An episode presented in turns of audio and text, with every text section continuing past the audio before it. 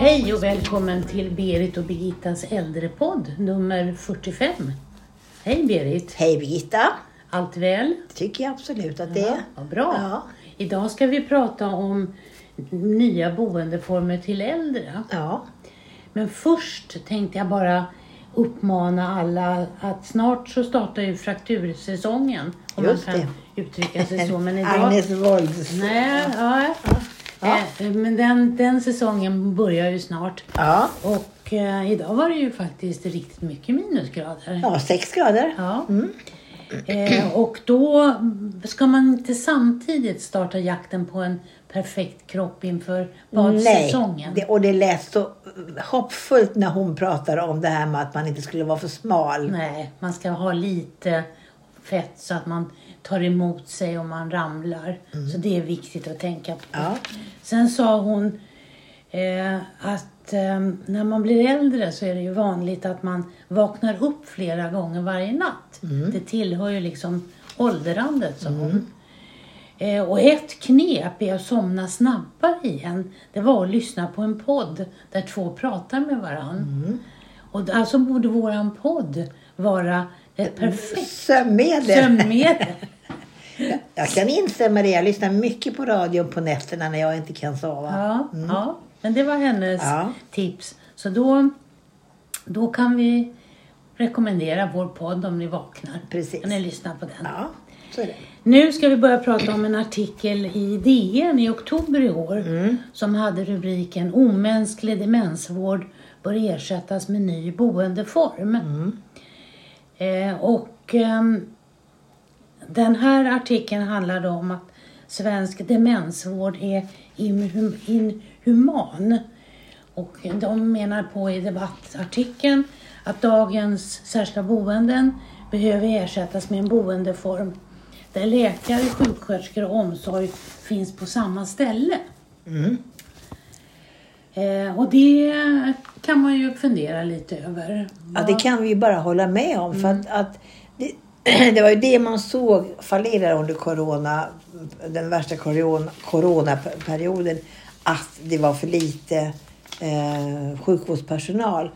Och det är ju bara att inse att våra äldreboenden är ju mest befolkade av människor som är väldigt sköra och som har många andra eh, underliggande sjukdomar. Så när en sån här pandemi slår till, då blir det ju så att de, drabbas ju väldigt hårt. Mm.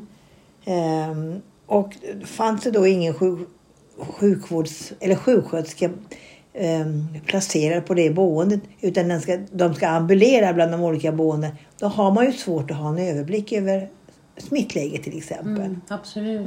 Men den här artikeln handlade också om att eh, det här med att man eh, att all vård och omsorg bygger på samtycke och delaktighet. Att om man som äldre inte vill flytta eller visa på olika sätt att det här passar mig inte så kan man inte göra något mot den enskilde personens Nej, vilja. nej. Och då menar han på att det skulle vara lättare om det fanns eh, ställen där all omvårdnad och omsorg fanns eh, alla representanter fanns tillgängliga. Och det vet jag inte om det är, om det är lättare att, få- att man flyttar in. Men man pratade också om att, att vägra att flytta till ett boende som ju många gör faktiskt kan ju faktiskt leda till att man efter ett långt liv ihop med en partner tvingas skilja sig för att man inte som partner längre orkar.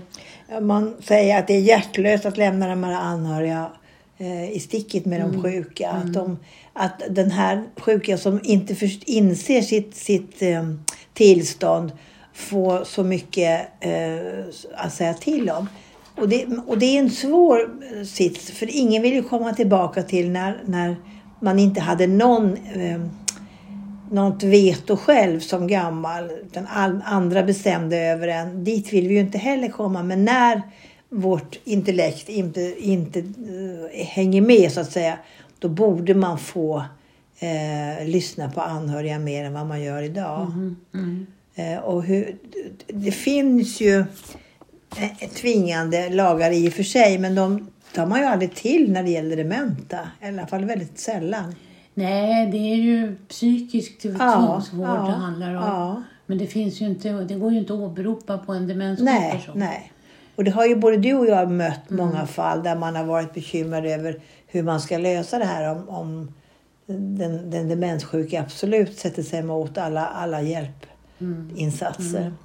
Men i den här debattartikeln så kom ju också upp det här med eh, att det ska finnas läkarresurser på våra boenden i större utsträckning än det finns idag. Det finns ju läkarresurser men de, de är ju inte där hela tiden utan de kommer ju, kommer ju kanske en gång i veckan eller två gånger i veckan och vid behov. Men det menar man också på att det kunde man under pandemin se att det hade behövts bättre resurser. Och det här med valfrihet när det gäller att välja läkare. Är det fortfarande så att man väljer sin husläkare? Ja. Eh, Och det, ju, det, det kan ju bli ett dilemma på ett boende att man har flera olika vårdgivare som kommer och går på boendet. Istället för att man hade, flyttar man in på ett boende så borde man bli hänvisad till den sjukvårdspersonal som, som så att säga är knuten till boendet. Ja, fast det säger ju inte hus, hälso och sjukvårdslagen. Nej, jag vet det. Och- och man det- Mm. har rätt att välja. Och det, men de allra flesta väljer ju ändå läkare på, som är knuten till boendet. Därför att de, de flesta husläkare åker ju inte ut på Nej, boenden. nej, nej. Utan då får man ju ta sig till dem. Men du har ju ändå laglig rätt att välja det. Ja, absolut. Jag Mm. har laglig rätt att välja. Men det är um, inte så enkelt. Nej, det blir verkligen mer svårjobbat. Ja, sen var det en, en em, annan artikel som fanns i tidningen Arkitekten, eller Arkitekten. Eh, och eh, där pratar man om att, precis som vi vet, att personer i särskilda boenden var en utsatt grupp under pandemin. Och där pratar man om att man som arkitekt har ett ansvar för att vara med och utforma boendet. För boendena idag är ju utformade så att det är små egna lägenheter som ju har ett rum och så ett badrum och sen en trinett.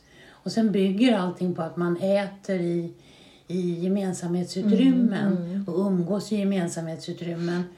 Och då menar de på att i de här små lägenheterna så blir man ju, när, när man måste isoleras, som det var nu under pandemin, så blir isoleringen så mycket större än om, man var, om lägenheterna mer var utformade för att man kunde ha flera rum, man hade ett sovrum, man hade ett vardagsrum, man kunde äta i lägenheten. Men så ser ju inte våra boenden ut. Och då möjliggör man ju också att makar kan flytta in tillsammans, vilket inte går idag. Nej, Om det, om det fanns större utrymme. Ja. Eh, och de menar också på eh, den här arkitekten att eh, så som boendemodellerna är utformade idag så är de väldigt utsatta för virussmitta och så är det ju. Det är ju svårt att hålla personer innanför i sin lägenhet Ja, utan man tar sig ju ut och känner, vill ju se människor och på många ställen så vill man ju också ha dörren öppen. Mm. Men hela tanken med äldreomsorgen under hela föregående så att säga, å- år så har man ju byggt små hemlika miljöer och tyckt att det har varit viktigt att det ska vara så hemlikt som möjligt. Eh, och vi blev väl lite tagna på sängen, alla som jobbar inom det här, av den här pandemin. För som den slogs, det hade vi ju aldrig varit med om. Så att, att allting har ju satts, satts på ända så att säga. Både när det gäller utformning av äldreboenden och vården och hur personalresurserna ska för, för, bli inom vården. På ett helt nytt sätt som inte vi har varit vana vid att se. Nej, absolut.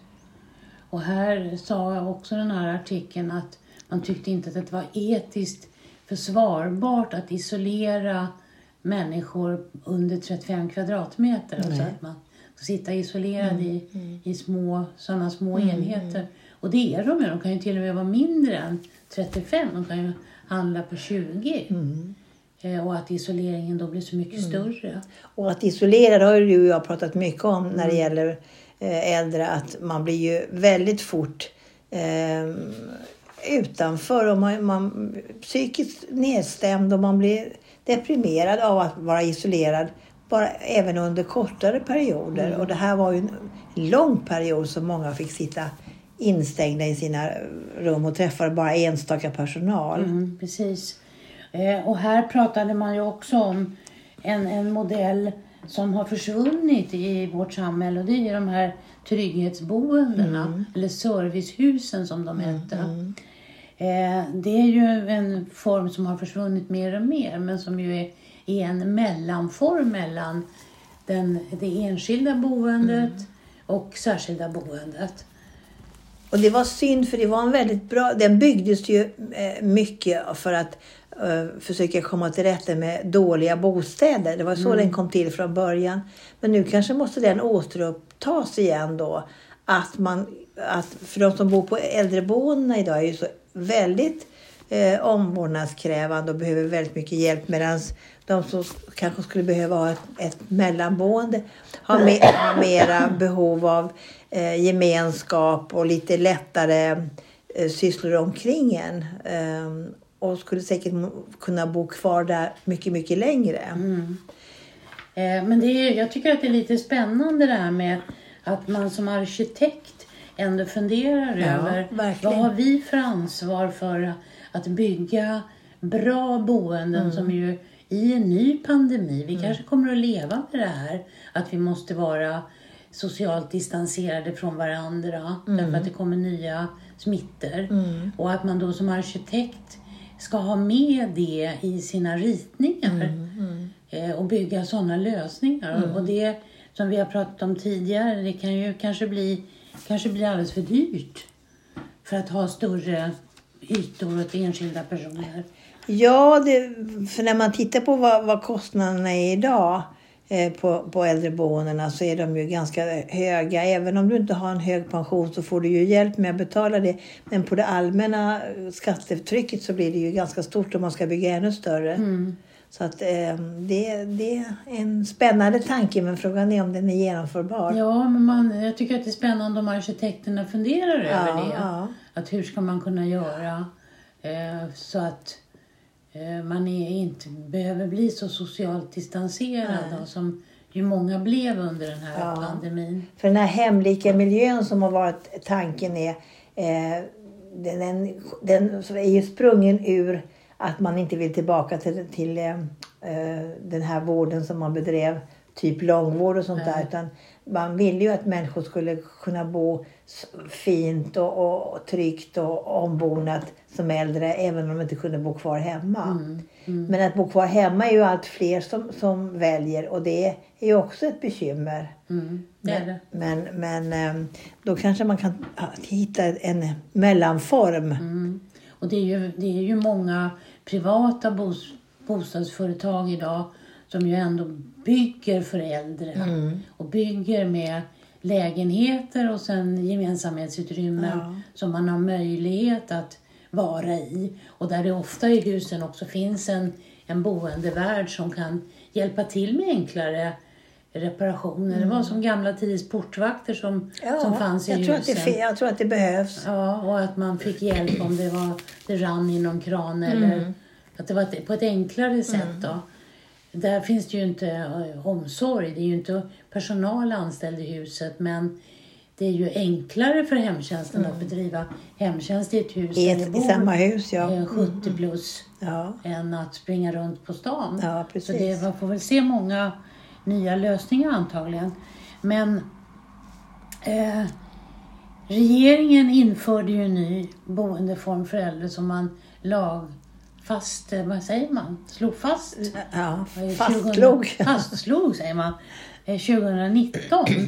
Och det handlar om ett biståndsbedömt trygghetsboende.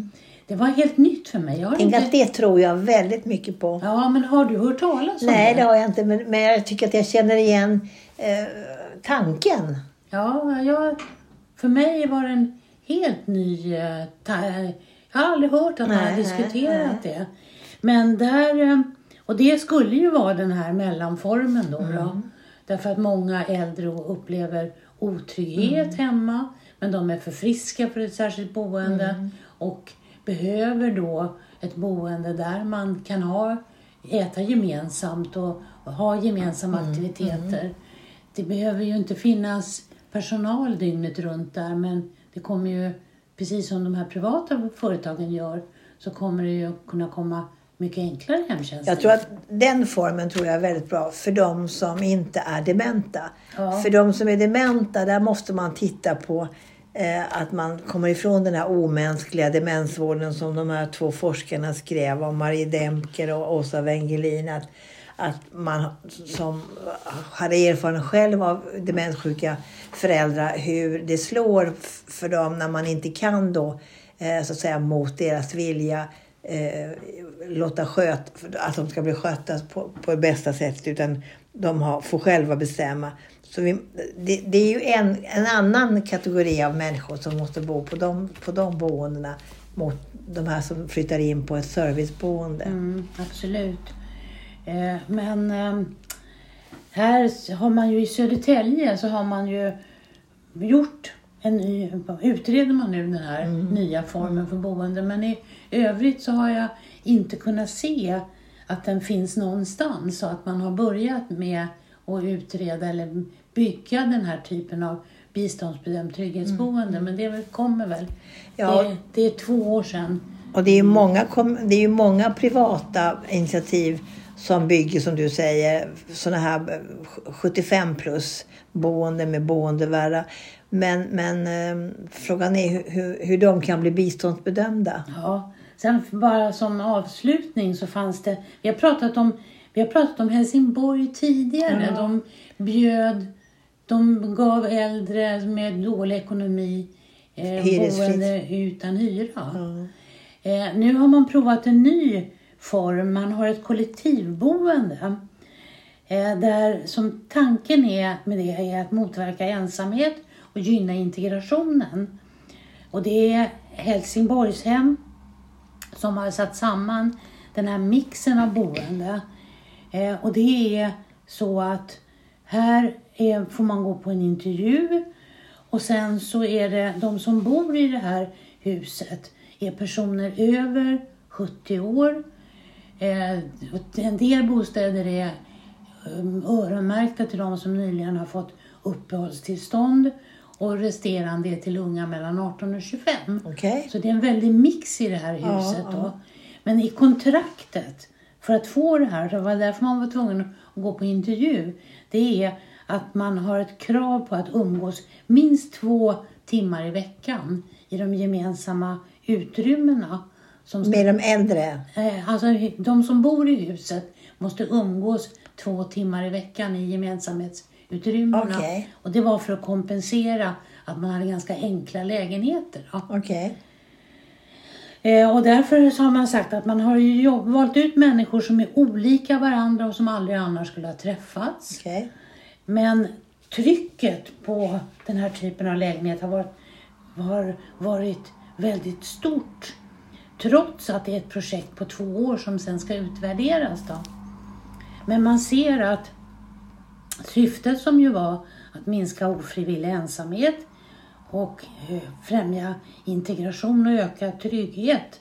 Om det uppfylls, då kommer man att permanenta det här. Okej. Så det är ju en spännande tanke att här umgås man alltså över generationsgränser och över nationsgränser. Man har kommit hit, har nyligen fått uppehållstillstånd, man får träffa en äldre person som man kan samtala kring, kring samhället och lära sig svenska. Och lära sig av varandra. Ja, absolut. Verkligen. Ja. Mm. Så det, Spännande. det, ja, det var en spännande, Spännande. tanke. Ja, det var ett kollektivboende. Det är ju inte biståndsbedömt utan det är nej. ett bostadsbolag som har det. Helsingborg är en framtidskommun tydligen. Kanske, Många, kanske. Borde, många andra kommuner borde ta efter på dem. Ja, jag. de tänker kanske lite annorlunda Ja. men det är ju, det är ju privata företag, Ja. det är ju inte kommuner. Nej, jag förstår det. Och det var det vi pratade om det här också. Att de här privata, Bo, Bonava och allt vad de heter. De är ju väldigt eh, em, inriktade på att, att vända sig till vissa kategorier. Ja, Men det var nya, lite tankar runt nya boendeformer för äldre. Och det tror jag behövs. Många olika former och, och eh, projekt som andra behöver utveckla verkligen. ja absolut. För vi har också andra krav, vi som håller på nu och närma oss de här gränserna. Att vi inte kanske kan bo kvar hemma utan vi måste tänka om. Och vi kanske inte vill bo i 10-15 kvadratmeters rum utan vi är vana att ha lite mera svängrum. Ja, så är det. Tack för idag Birgitta. Tack själv Berit. You wanted more than this heart attack. Two eyes in